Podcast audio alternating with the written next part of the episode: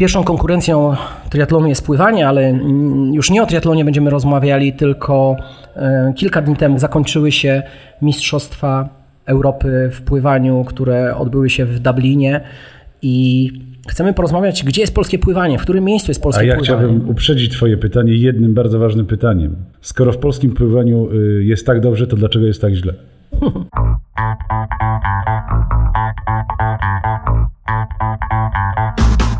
Skorykow, Kondraciuk, Duklanowski podcastują, bo lubią. Specjalnie dla Was przerywają wakacje, by nadać podcast specjalny.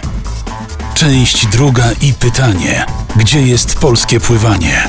Gość specjalny, trener Piotr Albiński. Tylko w Run Forest Podcast.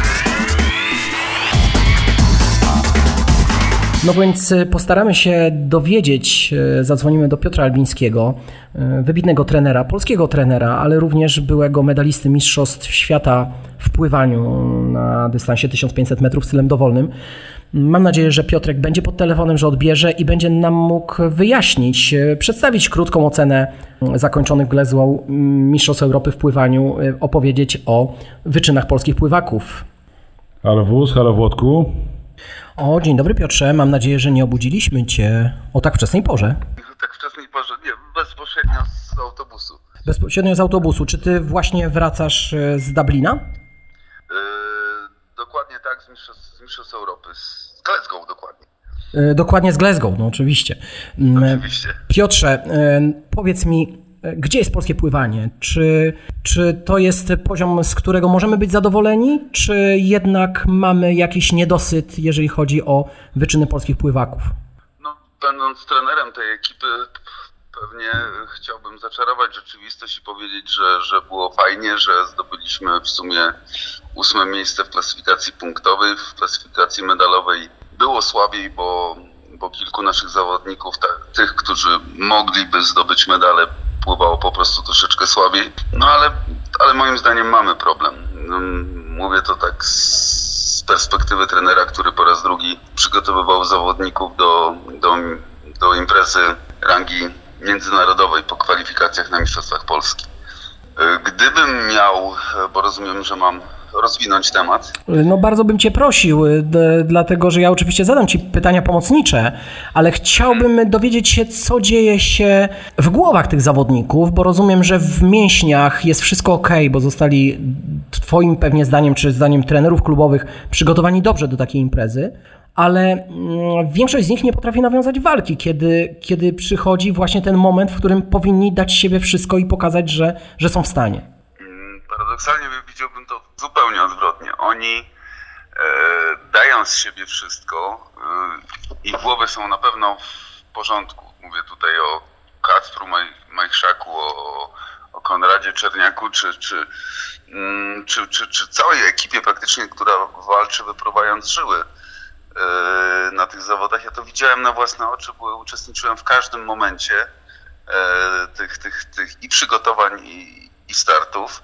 Mm, Myśmy się naprawdę nie, nie poddawali. Każdy dzień był pełen takiego, takiej pozytywnej energii, którą próbowaliśmy e, cieszyć się z najmniejszych sukcesów. Tylko e, problem po prostu leży gdzie indziej.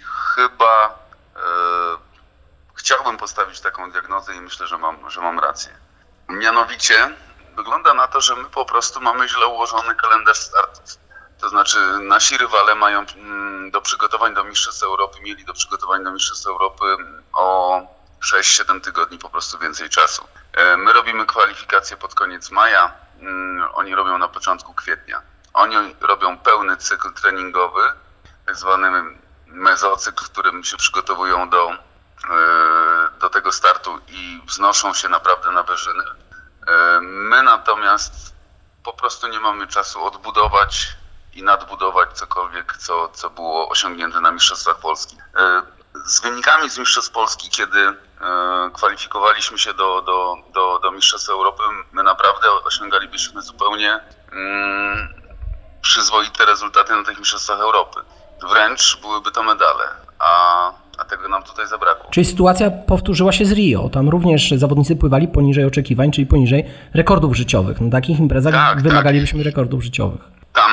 Mieliśmy tamtą sytuację. Ostatnie także tak naprawdę bardzo, bardzo udane mm, zawody to były Mistrzostwa Świata w Kazaniu. Budapeszt też pokazał, że, że mamy problem po prostu z przygotowaniem tej formy i zastanawiam się, jakim cudem, dlaczego tylu trenerów, bo to nie był jeden trener, tylko siedmiu, ośmiu trenerów, którzy no, znają się na rzeczy, bo potrafią przygotować zawodników do Mistrzostw Polski, potem mają problem z przygotowaniem ich do, do imprezy tej głównej. My po prostu dostajemy zbyt mało czasu. Takim przykładem może być Wojtek Wojdak, chyba najlepszym. W ubiegłym roku, kiedy zdobywał medal Mistrzostw Świata z fantastycznym wynikiem na 807,41, który byłby notabene złotym medalem teraz e, w Glasgow, on szedł zupełnie innym cyklem. On miał bardzo wysoką formę w kwietniu, na zawodach w Sztokholmie było bardzo szybko. Później kwalifikacje na Mistrzostwach Polski zrobił praktycznie z biegu, z treningu i potem fenomenalny strzał i przygotowanie do, do Budapesztu, do Mistrzostw Świata i srebrny medal. Mhm. Ale szedł po prostu innym cyklem treningowym. Piotrze, ostatnie moje pytanie. Czy wśród tych zawodników, którzy startowali na Mistrzostwach Europy w Glasgow, ty widzisz jakąkolwiek szansę medalową na Igrzyskach Olimpijskich w Tokio? Bo powiem uczciwie, ja chyba jednak nie. Nawet obawiam się, że będzie ciężko z tymi wynikami, z tymi zawodnikami walczyć o finały. Stąd moje pytanie, gdzie jest polskie pływanie, ponieważ ja oceniam, że nie ma następców Czerniaka, który był w formie, nie ma następców. Yy, Świtkowskiego, który był w formie.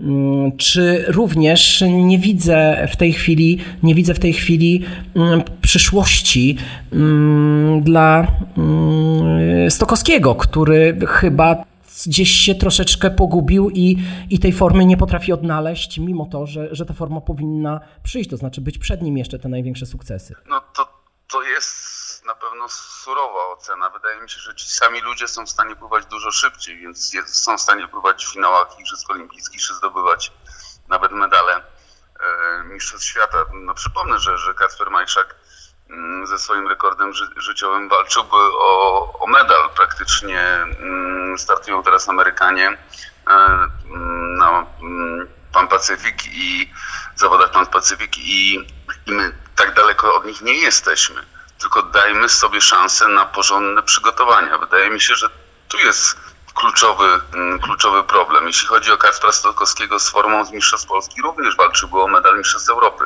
To hmm. ciągle są wartościowi zawodnicy. Ja bym naprawdę ich nie przekreślał. Dlaczego, mamy... dlaczego nie wystartował w sztafecie zmiennej? On po prostu odpowiedzialnie podszedł do tego, powiedział, że on nie jest w stanie nic więcej wnieść niż, y, niż Radek Kawęcki. On, on już nie był w stanie, próbował przecież płynąć w miksie i popłynął w miksie z pełną mobilizacją, ale to, to, już, to już nie była ta dyspozycja, co na, co na Mistrzostwach Polski, kiedy było 53,8 mhm. sekundy, to, to, to wynik absolutnie topowy na, na, na, na Mistrzostwach Europy. No ale no, chłopak powiedział szczerze, po prostu ja mhm boję się zatopić tą sztafetę. Piotrze, ocena moja może surowa, ale dobrze wiesz, że kibicuję naszym pływakom, bo pływanie jest mi najbliższe sercu. E, stąd e, też tego typu pytania i tego typu oceny. Bardzo Ci dziękuję za rozmowę o tak późnej porze i trzymam kciuki nie tylko za pływaków, ale również za Ciebie, za Twoje sukcesy trenerskie e, i do usłyszenia w takim razie. Dziękuję Piotrze Dziękuję bardzo. Dziękuję serdecznie i proszę wierzcie w nas. Wierzymy, trzymaj się. Trzymaj się. Pozdrawiam.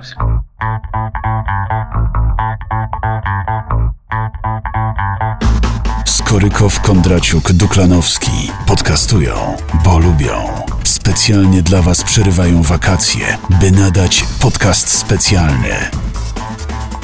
Tylko w Run Forest Podcast.